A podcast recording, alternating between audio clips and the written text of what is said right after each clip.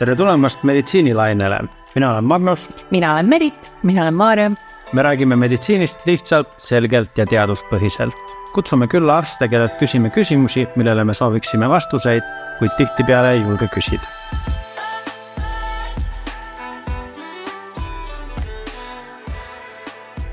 Rõõm on tervitada saates Teisi Seppa, kes on uroloog.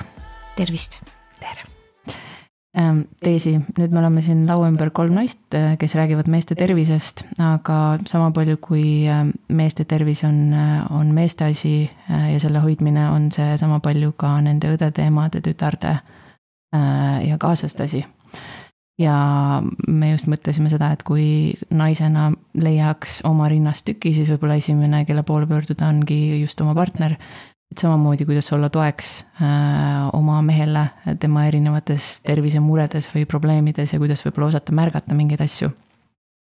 ja sellepärast me kutsusimegi siia uroloogi äh, ja tahakski sult küsida seda, et äh, kas sinu kogemuse põhjal mehed pöörduvad liiga hilja arsti poole ja kui see nii on, siis kas sa oskad näpu peale panna, miks see nii on?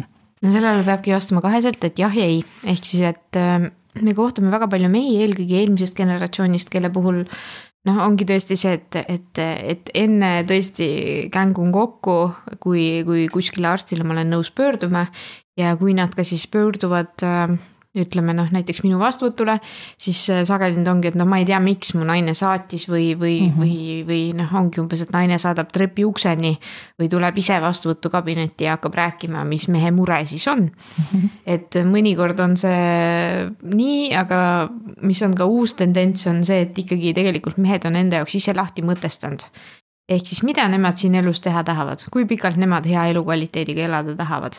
ja nad on selle võtnud ka eesmärgiks nagu naised sageli, et okei okay,, ma teen enda jaoks nagu selle kaardistamise ära, mul on kõik nii-öelda korras, terve, hästi. ma saan oma asju teha ja mehed on ka võtnud eesmärgiks, okei okay,, ma kaardistan enda jaoks ära, kus mu tervis on. ja ma kontrollin end üle, et ma tean, et ma saan elada pikalt, hästi, nautida elu oma perega või mis iganes selle mehe jaoks äh, tähtis siin elus on et, et see on nii on naa, et tõde on see, et Eestis mehed elavad ikkagi veel keskmiselt vähem kui naised. aga, aga see on, ma arvan, et see vahe väheneb järjest aastatega aina enam ja aina enam, kus, kus mehed on hakanud vastutust võtma, et minu tervis, mina vastutan ja mina korraldan. Rõõm, sellest on ainult rõõm kui ma naisena tean, eh, et naiste teemade puhul ma pöördun günekoloogi poole, siis eh, meeste puhul on meil uroloog ja on olemas ka androloog. kes need ja. on ja millega nad tegelevad? uroloogile saavad nii mehed kui naised pöörduda mm -hmm. ja androloog on siis nii-öelda klassikalises mõistes see meeste arst, ehk siis kui sa nii-öelda digiregistratuuris vaatad, siis androloog on nii-öelda see meeste arst ja need on vennas või õe või mis iganes, noh, vennas erialad, ütleme siis nii. ehk siis, et äh, Eestis äh, õpitakse androloogiks nii-öelda siis äh, ja uroloogiks ikkagi samamoodi residentuuris. aga, aga noh, mõned asjad, mida me nagu käsitleme mõlemad, aga on ka täiesti eriilmelisi asju. ja nüüd siis spetsiifilisemalt, ehk siis uroloog on valdavalt osalt kirurg kes siis opereerib äh, kõiki kusesuguteedega seonduvaid haiguseid ja ravib neid siis, äh, ravib siis neid ka medikamentoosselt ehk siis tablettravina näiteks, kui on tarvidust või vajadust. ja tegeleb kõikide nendega seonduvate probleemidega. kui sul on kusemishäired, kui sul on, ma ei tea, uriinis avastad vere või mis iganes on, et või on sagedased noh, kuseteede põletikud, siis äh, selle kõigega võib otse loomulikult uroloogile pöörduda ja peabki aga spetsiifilisemalt androloog kui meestearst tegeleb näiteks äh, sagedamini, väga sageli esineva eesnäärmepõletikuga mm. -hmm. see on see, kui inimene ongi näiteks sagedased siuksed ebamäärased vaagnavalu kaebused või munandisse kiirgub mingi sihuke ebamäärane valu. sageli see võib olla siukse eesnäärme ehk prostatiidi sümptomiks või kaebuseks. siis äh, androloogi juurde peaksid pöörduma kõik need mehed, kes näiteks soovivad pere, aga neil ei ole see veel õnnestunud ehk siis paljude paaride puhul noh, naine läheb päris algusjärgus juba, et okei okay,, ma võib-olla hakkan pere planeerima, ma lähen käin kohe andro- või noh, selle günekoloogi kontrollis ära. siis mehed selle peale näiteks ei mõtle. esialgu ilmselt ei olegi vajadust, aga vastavalt siis noh, vanusele või siis sellele, kui kaua ollakse proovinud näiteks rasestuda, siis androloog ongi see, kes aitab nagu paika panna, et miks see mees ei ole näiteks saanud lapsi, et äh, tema aitab seda kaardistada. Ja androloogi juurde peaks pöörduma ka siis näiteks sugulisel teel levivate infektsioonidega, mida uroloog ka samamoodi võib ravida aga eelkõige noh, võiks siis androloogile pöördudagi, ongi need sugu, kuseteede nakkused, põletikulised haigused ja, ja siis kõik viljakusega seonduvad küsimused. uroloog on siis äh, natukene nii-öelda rohkem spetsialiseerunud just siis äh, näiteks äh, kui ongi näiteks takistus kusemisel või, või ongi siis näiteks mingit operatsiooni vajav või tarvidust vajav asi või näiteks kivid. -hmm. uroloogid ravivad kivisid et see on kõik uroloogi pärusmaa. väga hea, et sa need kõik välja tood. ma siit küsingi edasi seda, et mis on need regulaarsed asjad, mida mees peaks enda juures kontrollima? naisena me teame, käime rinnakontrollis, käime, anname regulaarselt Äh, günekoloogi juures proove, mis on need meeste asjad, mida nemad peaksid regulaarselt äh, kontrollima? see on nüüd natuke ealiselt erinev, aga kui hakata nüüd nooremast äh, vanusest tulema, siis on näiteks munandite kontroll. seda väga sageli ei räägita, aga kõik mehed peaksid iseenda munandeid vähemalt korra kuus noh, nii-öelda naljaga pooleks võib öelda, et saunalaval kontrolli korra ära või duši all, noh, mis seal mm -hmm. siis mhm. toimub. ehk siis saada oma organiga sõbraks vaadata üle, et, et kuidas need munandid tunduvad sulle, kõik, mis on nii-öelda pehme, ei tunne seal mingeid kõvasid tükke, see ongi normaalne. aga kui ongi, kui naine näiteks katsub oma rindasid, leiab seal kõvema tüki, siis seda peab kontrollima, samamoodi peab munandis seda kõvemat tükki siis kontrollima. Ja see ongi siis näiteks üks asi, millega peaks uroloogile siis pöörduma, et kõik, mis on niisugune nii-öelda näiteks vähikahtlane või onkoloogilise kahtlusega, siis see nagu valdavas osas esimene samm võiks olla uroloogile, aga seda võib käsitleda ka androloog ja suunab ta siis meile ümber näiteks suuremasse keskusesse. et äh, Eestis, kui me nüüd räägime spetsiifilisemalt Eestis, siis äh, on nii, et androloogid pigem töötavad väikestes kliinikutes või nii-öelda sellist ambulatoorset vastuvõttu pakkuvalt. Äh, uroloogid võivad seda ka teha, aga enamik urolooge paikneb ikkagi kas siis mingi see suurhaigla juures, kus nad siis ka nii-öelda seda haiglaraviteenust siis osutavad sa mainisid ähm, kõvasid tükke või kõvemaid tükke munandites, mis üldse on need sagedasemad munanditega seotud probleemid? See ei ole nüüd sage, aga sellest hirmsast asjast võiks esimesena alustada, ehk siis munandivähk tegelikult ei ole sagedane haigus, et äh, see on äh, Eestis ütleme kolmkümmend juhtumit umbes aasta kohta või mm. -hmm. et äh, see ei ole nüüd sagedane, aga see on nüüd asi, mida peaks kindlasti iga inimene või noh, iga mees teadma ja ka näiteks emad võivad oma poegadele õpetada, et, et vot seda peaks vähemalt korra kuus kontrollima et, et see ongi siis äh,, avastad selle kõvema tüki tihenemise, selle peaks kindlasti uroloog üle katsuma ja vaatama ka siis näiteks ultraheliga üle, et mis seal siis toimub. et see on siis nii-öelda harvikvähk, ta ei ole sage vähk, aga see on nagu siis nii-öelda see, mis on nii-öelda kõige alarmeerivam, millega peaks kindlasti kohe pöörduma. et äh, seda ei ole mõtet oodata, kuni kogu see testis muutub väga suureks kõvaks tükiks mm. -hmm. sagedasem on äh, põletik ehk siis võib ka munandipõletikku esineda. Ja, ja see võib erinevatel põhjustel tekkida, vahel me seda põhjust väga selgelt öelda ei saagi, siin öeldakse, et vanuseliselt nooremapoolsetel meestel võib olla riskiteguriks äh, nii-öelda kaitsmata vahekorrad, kus on seksuaalelu olnud äh, mitte nii-öelda kaitsevahenditega kaitstud või, või teadmata kontaktid ja vanemaealistel meestel siis pigem kuseteedest äh, lähtuvad nagu infektsioonid, mis siis nagu tulevad näiteks ütleme noh, ongi näiteks see Escherichia kooli, mis siin Kuressaares nüüd sai kuulsaks, on ju, et, et kakabakterid äh, nii-öelda halva hügieeniga või noh, lihtsalt ebaõnne korral satuvad kuseteedesse. et, et see võib olla selleks lähtekohaks ja teine asi või noh, kolmas juba siis oleks kindlasti mainida eesnäärmepõletikud, mis võivad sageli anda siukseid ebamääraseid munandivalusid. et, et see võib olla nendeks üks.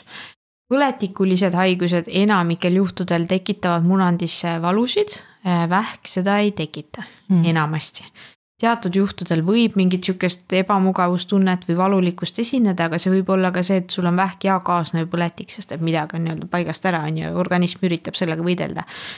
aga vähk ei pea olema valulik. et, et see ongi see, et, et selle enamasti avastatakse täiesti juhuslikult. nagu see tükk rinnas ei valuta, ei alarmeeri ennast katsuma, samamoodi ka see munanditükk ei alarmeeri ennast katsuma. kui me seda ise ei tee, siis ta ei tule koputama, et ma olen siin rääkisid ähm, suurenenud munanditest äh, ja, ja see peaks olema see märk, millega ma nii-öelda kohe, kohe pöördun arsti poole, aga mis, mis need nii-öelda. põletikuga on see suurenemine suurem, ehk mm -hmm. siis see on see ikkagi täiesti sihuke, et sellest on juba nagu raske mööda vaadata, on ju mhm et, et selles mõttes, et siis ta läheb sageli punetavaks, turse ja väga valulikuks. vähiga aja jooksul ta võib ka suureneda, aga see on pigem nagu sihuke aeglasemalt toimuv protsess. siin ei saa öelda kindlat ajalist terminit, et vot täpselt nii pika ja kiire aja jooksul. aga, aga see on jah, vähiga on see pigem nagu aeglasemalt tekkiv. Mm, üks kuulaja küsis meie käest, et ähm, kas munandi ähm, täiega seotud probleemid äh, täiskasvanueas võivad kuidagi johtuda lapsepõlvest, sellest, et äh, beebid on kasutanud liiga pikalt äh, mähkmeid. kas seal on mingi selline seos või, või pigem ei saa seda välja tuua? seda küll ei ole kuskil kirjanduses vähemasti või ravijuhistes välja toodud või leitud.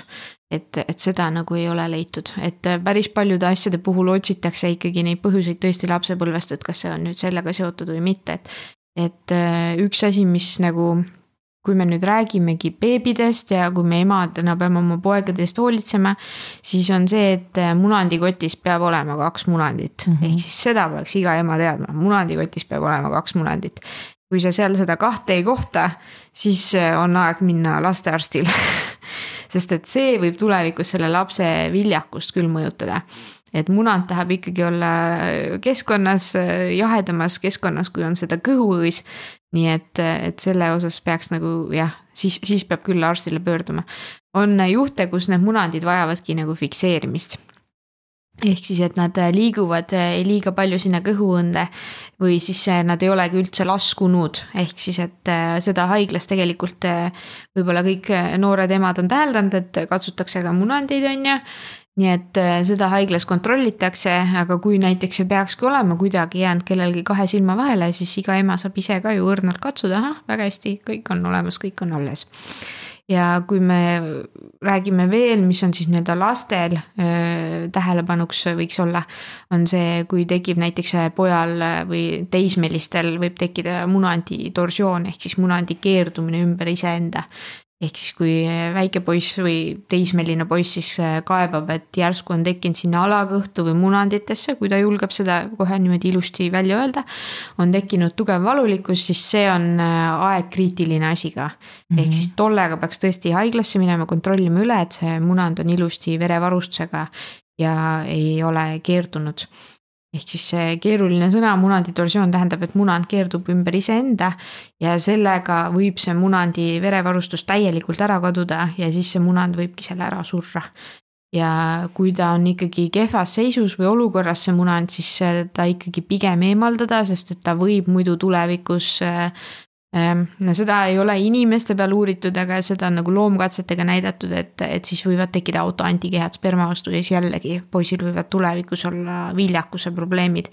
et, et siis see laps nagu ei pruugi saada ise nii kergesti lapsi mm. -hmm. et see on siis noh, üks asi, mida meie naistena peaksime siis nagu oma väikeste poeglaste puhul nagu teadma, et ahah, okei okay,, et seda ma jälgin ja noh, muidugi ka siis see kusemisjuga, et see, seda võib-olla äh, me nii palju, sellest me räägime võib-olla rohkem keskealiste meeste puhul.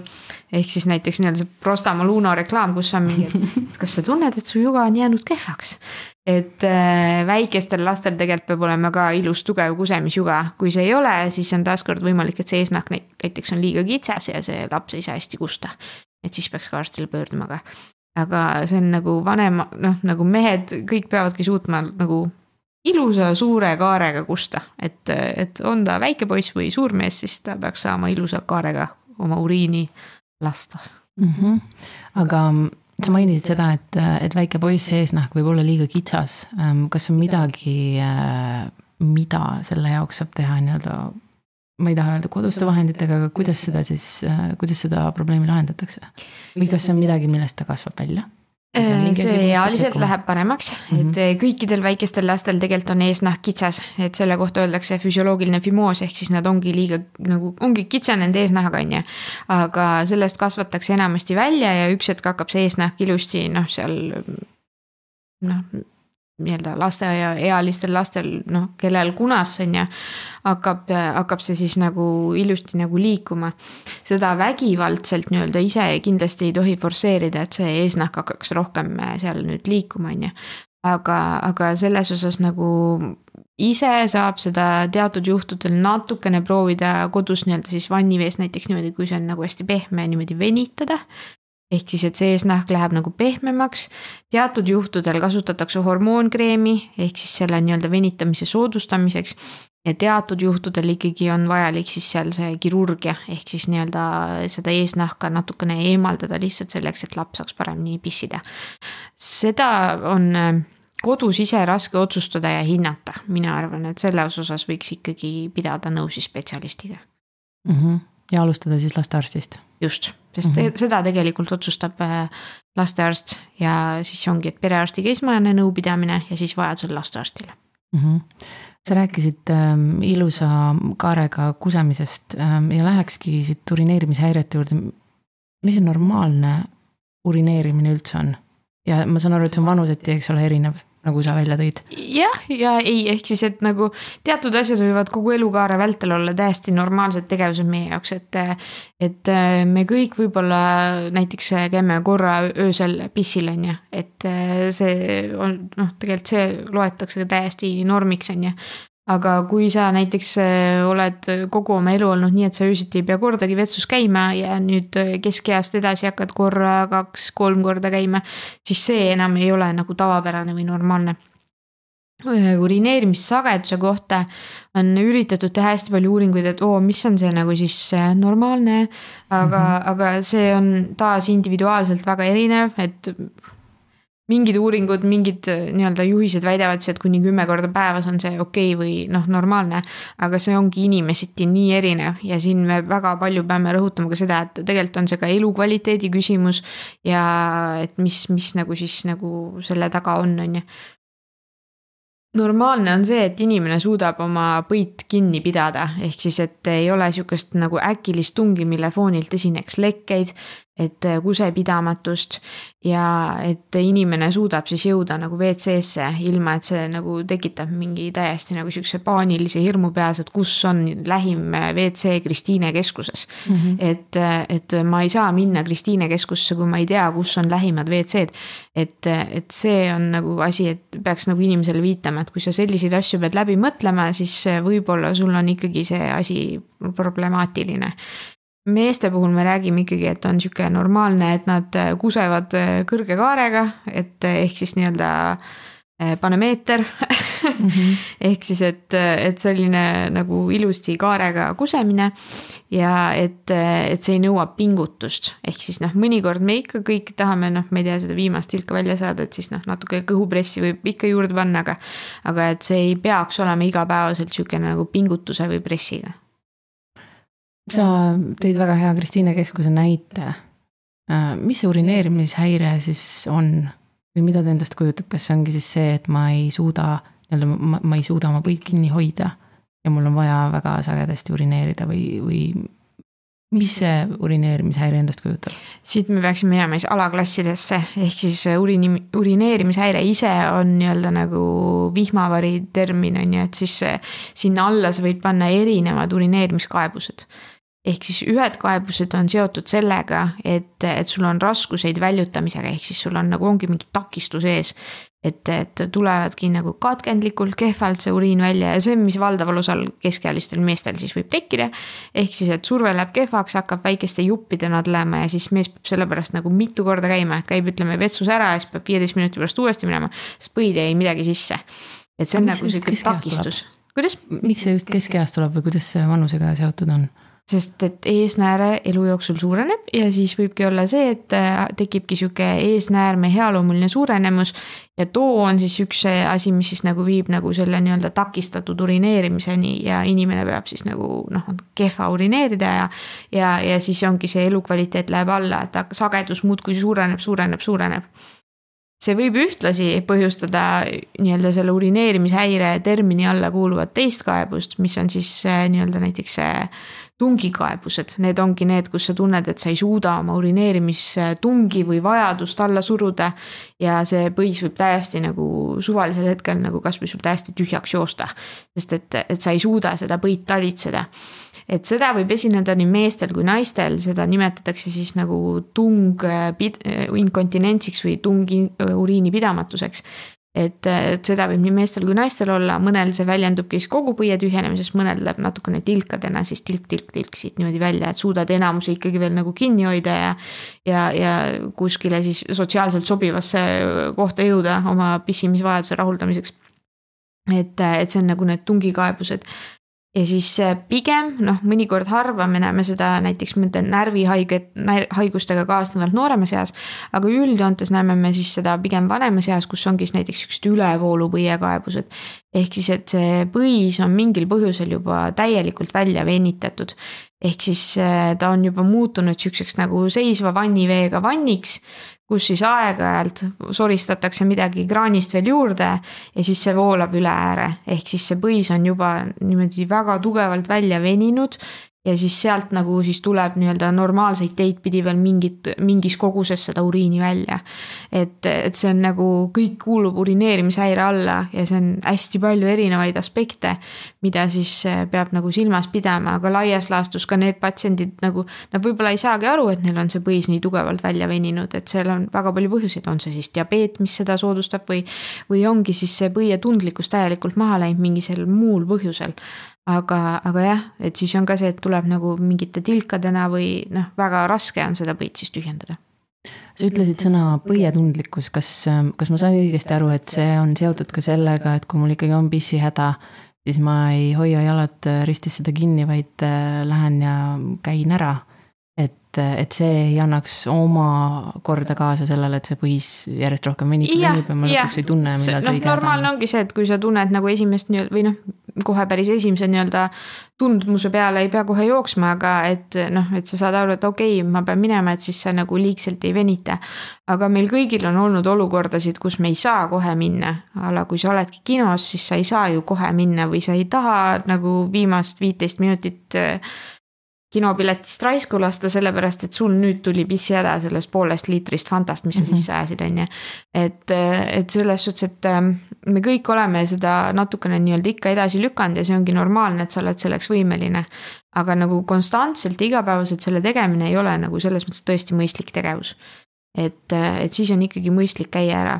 põietundlikkus võib äh, ka muutuda, et kõigil, kellel on olnud äh, kuseteede nakkust, teavad, et siis nad käivadki, tunnevadki pissihäda tunnet ka täiesti olematute koguste pealt. ehk siis põletik võib seda põietundlikkust mõjutada.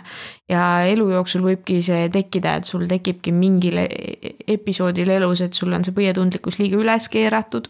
ja sellest tingituna siis äh, sa käid liiga sageli WC-s et äh, see võib ise üle minna, aga kui see ikkagi ise üle ei lähe, siis ongi aeg jõuda uroloogile. ja seda peaksid siis mõtlema nii mehed kui naised, sest et seda äh, nii-öelda ärritatud põiesündroomi või siis seda nii-öelda äh, tunginkontinentsi või tungpidamatust esineb mõlemas eas, nii meestel kui naistel kas elustiilil on urine-, urineerimishäirete tekkimisel mingisugune roll? on küll, ehk siis äh, kaua, esimese asjana ma kohe räägiks sellest kohvist. ühesõnaga teaduskirjandus äh, jääb äh, kõigile ikkagi ebaselgeks, kas kohv on siis see, mis ajab sind väga sageli pissile või ei. et siin ei saa kindlalt alati kohvi süüdistada, et kohv on see, mis ajab kõiki alati pissil käima aga kui inimene ise tunnetab, et see ajab, siis, siis küll. aga mida elustiili alla sageli ei võeta, on see, millist tööd sa näiteks teed kui inimene teeb öötööd, siis on ilmselge, et ta öösiti peab ikkagi ka näiteks vedelikku või vett tarvitama mm. -hmm. ja sellega tingituna võib ta harjutada kogu oma organismi ümber. et äh, öösiti peab ka WC-s käima, et näiteks selline asi võib ka kogu inimese keha ümber kujundada, et ta hakkabki öösiti vetsus käima sagedamini.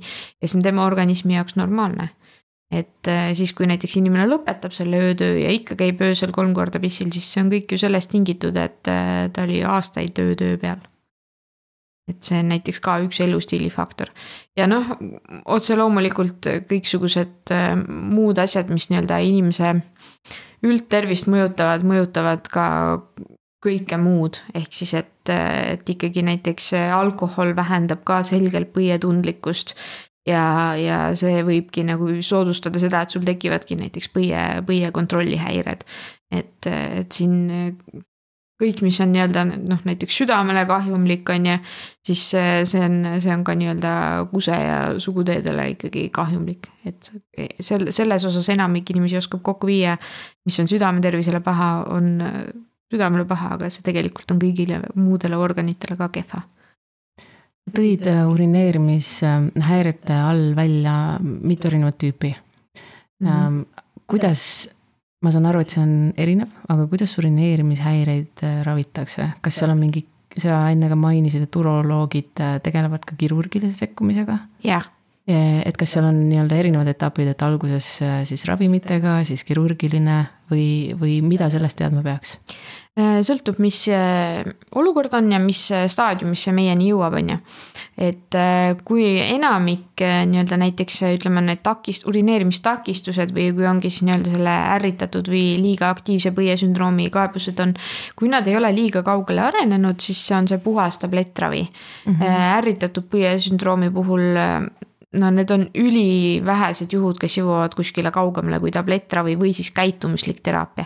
ehk siis me panemegi näiteks paika, et vot kuidas nagu seda tungi alla suruda ja mis nippidega nagu siis edasi liikuda ja toimetada kui on juba räägi-, sellised raskemad juhud, kus näiteks põis kunagi päris tühjaks ei saagi ja seal on ees, eesnääre, mis tablettidele hästi ei allu, ehk siis, et noh, ei võimalda seda kergemat uriini väljutamist sellest põiest.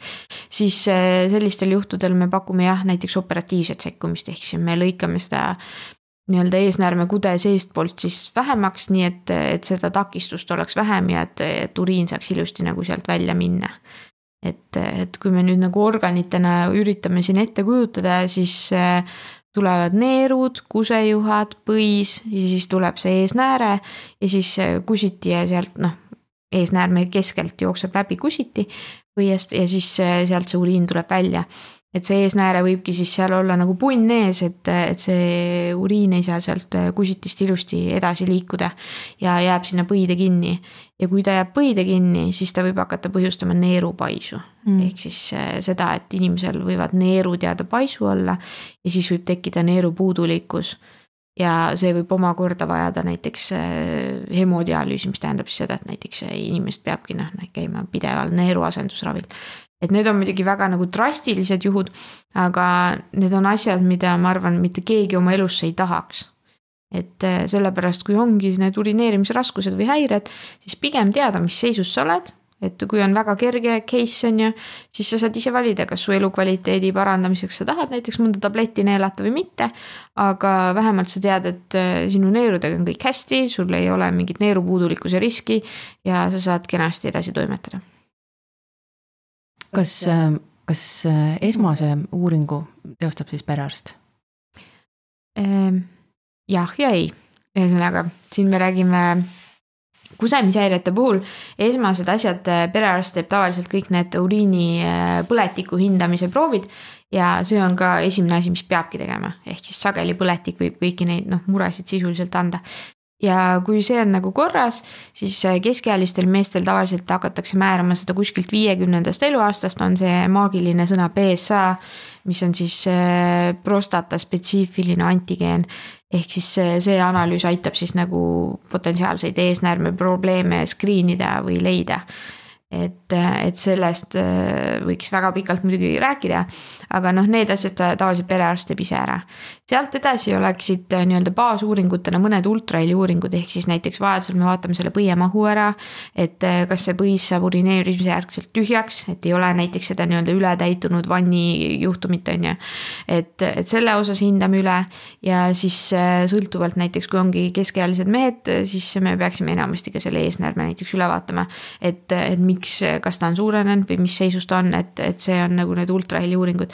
Neid saab perearst teha, aga sageli enamik urolooge teeb neid oma vastuvõtul ise. ehk siis, et noh, see on täiesti okei okay ka, et perearst neid asju kõiki ei, ei korralda, sest et meie saame neid ise ka teha ja aidata. aga noh, muidugi, kui on noh, võimalik, võib ka kohe perearst teha mainisid, et üle viiekümnenda eluaasta vanustel meestel kontrollitakse seda BSA-d, prostaata spetsiifilist antikeha. antigeeni jah, see on väga, lihtsam öeldagi lihtsalt BSA, et. BSA, noh, jah. aga mis vanusest ja mis sagedusega mehed üldse peaksid oma eesnääret kontrollima, kas see on mingi asi, mida kolmekümnesed peaksid samamoodi tegema? Eh, jah, kui su perekonnas on olnud eh, varajane juhtum eh, eesnäärmevähki või rinnavähki, et siin on geneetiline komponent täiesti olemas. võib-olla väga terviseteadlikud inimesed või kelle perekonnas on olnud vähki, on kuulnud sellisest nii-öelda imelisest terminist nagu BRCA geenid või noh, nagu BRCA, BRCA onkogeenid. et see on hästi keeruline, aga kõik, kellel on noh, näiteks perekonnas rinnavähk olnud, siis nad on seda kindlasti kuskil jutu sees kuulnud. et see samune BRCA geen on seotud ka eesnäärmevähiga, ehk siis see võib anda seda geneetilist komponenti. ja kui see eesnäärmevähk on esinenud ähm, enne kuuekümnendat eluaastat, siis äh, on teatud riskid või rinnavähk on ju.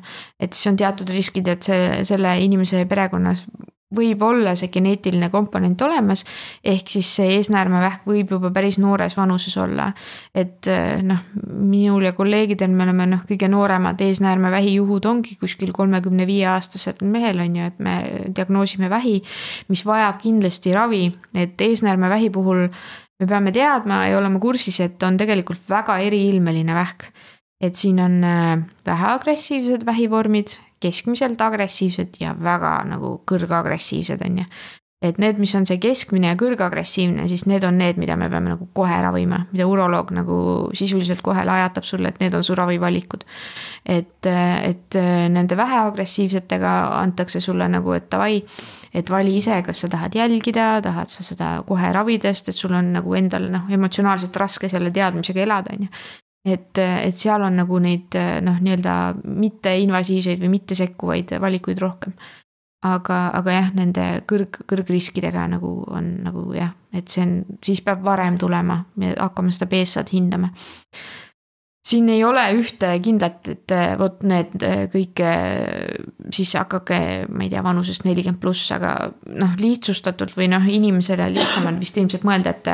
et kui on olnudki see vähk, siis laias laastus kümme aastat enne peaks vähemalt hakkama siis screening ul käima.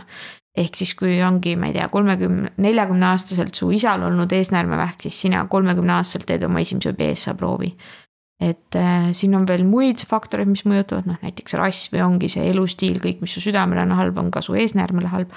et selle osas hakata kontrollis käima, aga, aga noh, üldsus või üldpopulatsioon, kõik ei pea hakkama kolmekümne aastaselt nüüd seda BSA proovi tegema. Ehk siis nagu enamik mehi ei pea kolmekümne aastaselt minema sellele BSA proovile, et neile täiesti okei okay, viiskümmend pluss anda oma esimene BSA test või BSA proov ja see on vereproov mm. -hmm see on ikka päris karm, seesama rinnavähi ja eesnäärmevähi seos, just mõelda ka, et näiteks kui su tädil on olnud rinnavähk vanuses viiskümmend seitse, siis tegelikult sina mehena äh,. ja, ja no seda jälle keegi ei oska võib-olla nagu Ehm, mõeldagi või seostada, ehk siis, et äh, näiteks kui ma olen oma vastuvõtul küsinud, et, äh, et mis vähke teil perekonnas olnud mm. on, noh siis äh, teatakse, et vanaisal oli vanuses üheksakümmend pluss -hmm. eesnäärmevähk. vanuses üheksakümmend pluss on eesnäärmevähki päris paljudel meestel ja see on niisugune nagu kuri kaasleja, aga ta ei ole nagu see, mis selle inimese nii-öelda tegelikult hauda viib, on ju. et selles vanuses alates noh, eesnäärmevähki leitakse meestel hästi-hästi palju, et, et see on niisugune nagu tendents või teadaolev tõde, on ju. aga enamasti siis on ta sihuke väheagressiivne vorm, mis noh, kurb tõdeda, et ta seal on, aga noh, suure tõenäosusega teda väga palju midagi noh, nagu ei jõua korda saata või tehagi, on ju. aga, aga jah, noorematel juhtudel see noh, jah, ei seostata, et võib ollagi seesamune rinnavähi seoses, siis on kindlasti vaja varem mõelda mm,. aga millised on e, milliseid eesnäärmehaiguseid äh, saab veel välja tuua, mille osas peaks olema teadlik? no siin ongi see, üks asi on see eesnäärme healoomuline suurenemine, natukene mm -hmm. käsitlesime, kus ongi, tekivad need kusemisraskused ja häired. siis ongi eesnäärmevähk, eesnäärmevähk on äh, Eestis äh, väga levinud, tuhatkond juhtu aastas on ju, esmasjuhtu, esmasjuhtu. et, et see on kui ma nüüd ei eksi, siis ühel aastal oli see ka Eestis kõige levinum vähk. ehk siis, kui nüüd võtate kokku, et kõik mehed ja naised kokku, siis ikkagi mehed oma eesnäärmevähiga olid nagu, me oleme number üks, on ju.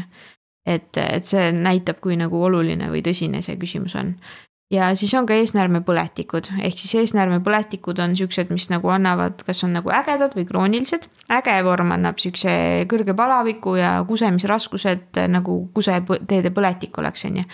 Et äh, seda on nagu kohe antibiootikumravi peale haiglasse et äh, noh, kontrolli EMO-sse või siis perearst määrab sulle koheselt ravi peale ja otsustab, kas nagu võib kodus olla või mis sinu see seisund on, on ju. Äh, siis on ka kroonilised eesnäärmepõletikud, mis annavad sihukest ebamäärast kaebust, mis on siuksed nagu kord viskab siia munandikoti taha valu, kord viskab ühte munandisse valu, kord on kuskil, ma ei tea, ebamäärases kohas vaagnas valu.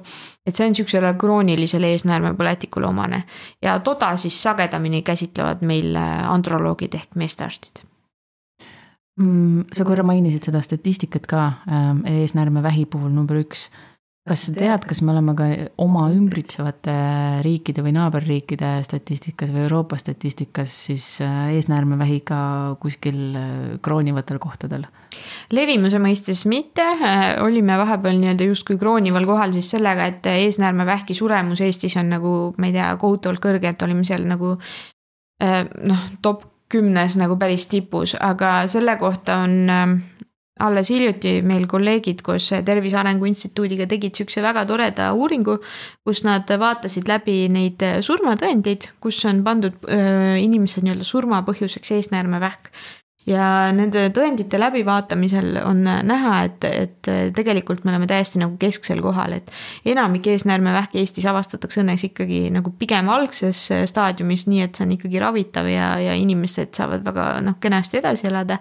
Need ajad, kus me avastasime nagu päris lõppstaadiumis juba kaugele arenenud metastaasidega vähke, need õnneks hakkavad meile jääma selja taha mm, -hmm. et me mhm. küll leiame, noh, kõikide vähkidega me ju leiame neid nii-öelda neljanda staadiumi juhte ka jätkuvalt, on ju et äh, samamoodi ka eesnäärmevähiga aga, aga see noh, õnneks hakkab jääma nagu pigem selja taha. ja see uuring näitaski seda, et, et siin sageli pannaksegi see eesnäärmevähk süüdlaseks näiteks äh, surmapõhjusena kirja. kuigi nagu mainisin, ta oli hoopis selle üheksakümne aastase mehe nii-öelda nagu kuri kaasleja, et tegelikult see vanahärra ilmselt suri hoopis näiteks südame puudulikkusse mm -hmm. või mhm. neeru puudulikkusse, mis iganes, on ju et, et äh, me ei ole nagu selle eesnäärmevähi suremuses kindlasti nii-öelda mitte nagu topis. et seal me oleme õnneks äh, kesk, keskmised vennad. no super, kuskil ei olla keskmised vennad mul kuskilt äh, taga hägusest mälusopist ujub ette mingi selline pealkiri, et kuskil Jaapani väikesaarel ei esine eesnäärmevähki sellepärast, et nad söövad seal kala ja mingisugust, ma ei tea, fermenteeritud kapsast. kuidas see elustiil või menüüvalikud ja toitumine sellega seotud on või kas on? no siin on tegelikult nii, et kõik, mis teeb sind noh, nii-öelda kole sildistav sõna paksuks on ju, on sinu eesnäärmele halb on ju. ehk siis, et äh, sihuke rasvumus äh, on vähitekke mõistes äh, halb, halb asi on ju. ehk siis kõik, mis aitab sul vältida rasvumust ja kui see elustiil aitab sul vältida rasvumust, siis äh, see on sinu eesnäärme tervisele väga hea et, et võib-olla seal Jaapani saarel siis ongi kõik hästi tublid, jalutavad iga päev oma kümme tuhat sammu ära ja ja söövad mitmekülgset menüüd, millest siis noh, seda teemat ju käsitletakse nii-öelda söögi alla ja peale kuni mm -hmm. oksendamiseni, et mis on see nii-öelda taldriku reegel. millegipärast me keegi kuulata ei taha mm. -hmm. no see ei ole kõige mugavam. ei ole mugavam viis oma elu elada yeah on, on palju mugavamaid ja kiiremaid variante, kuidas ähm, saada väga mõnus enesetunne, aga nagu sa ütlesid, see tihtipeale ei ole meie tervisele võib-olla kõige kasulikum. nii me rääkisime urineerimishäiretest, eesnäärmest, me rääkisime munanditest. mis on veel või kas on veel mõni teema, mida meeste tervise puhul peaks tähele panema, mida peaks teadma? uhuhuu äh,, siin on äh, väga palju aspekte, mida võiks nagu selles mõttes kindlasti noh, veel ma ei tea, rõhutada või äh, rääkida. et, et noh, siin näiteks võib-olla mingite veidrate seoste osas meil, mida võiks tuua, siis on see näiteks aune suitsetamine. ehk siis, et äh, suitsetamine on ikkagi on nagu neid üks esmaseid põhjuseid, miks areneb välja näiteks kopsuvähk on ju. aga mida ei teata, on see, et areneb välja sageli ka kuse, kuseteede vähk ehk siis põievähk on ju. ja meeste seas, kui ma nüüd ei eksi, kui ma viimati vaatasin, siis meil näiteks ka statistikas mehi suitsetas rohkem kui naisi. ehk siis see on üks asi, mida teada ja, ja kui miski muu sinu meest ei mõjuta, et suitsetamist maha jätta siis äh, tasub mainida, et suitsetamine ju ahendab kõiki väikseid veresooni mm.. ahendab see sinu südames väikseid veresooni ja ahendab see ka sinu siis äh, peenises väikseid veresooni. ehk siis, kui sa tahaksid äh, läbivalt kogu oma elu omada erektsiooni, erektsioonihäirega muidugi see androloogil on ju. aga kui sa soovid kogu elu läbivalt erektsiooni omada ja elada täisväärtuslikku elu, siis ei tasu suitsetada, muidu üks hetk enam miskid asjad ei funka vot nii. vot nii. Daisy, super, aitäh sulle ja aitäh sulle andmast sellist esmast ülevaadet võib-olla nendest kõige olulisematest punktidest, mida meeste tervise puhul tähele panna. mul on väga suur rõõm selles osas, mida sa ütlesid, et järjest rohkem mehi jõuab arsti juurde, järjest rohkem mehi on endale nii-öelda paika pannud, mida nad tahavad veel korda saata, mida nad tahavad saavutada. ja et, ja et tervis ei jääks siis selle nii-öelda piduriks aitäh. aitäh tulemast. Aitäh, et oled meiega meditsiinilainel, leiad meid ka Instagramist ning postkasti ootame küsimusi ja tagasisidet. kohtumiseni järgmisel lainel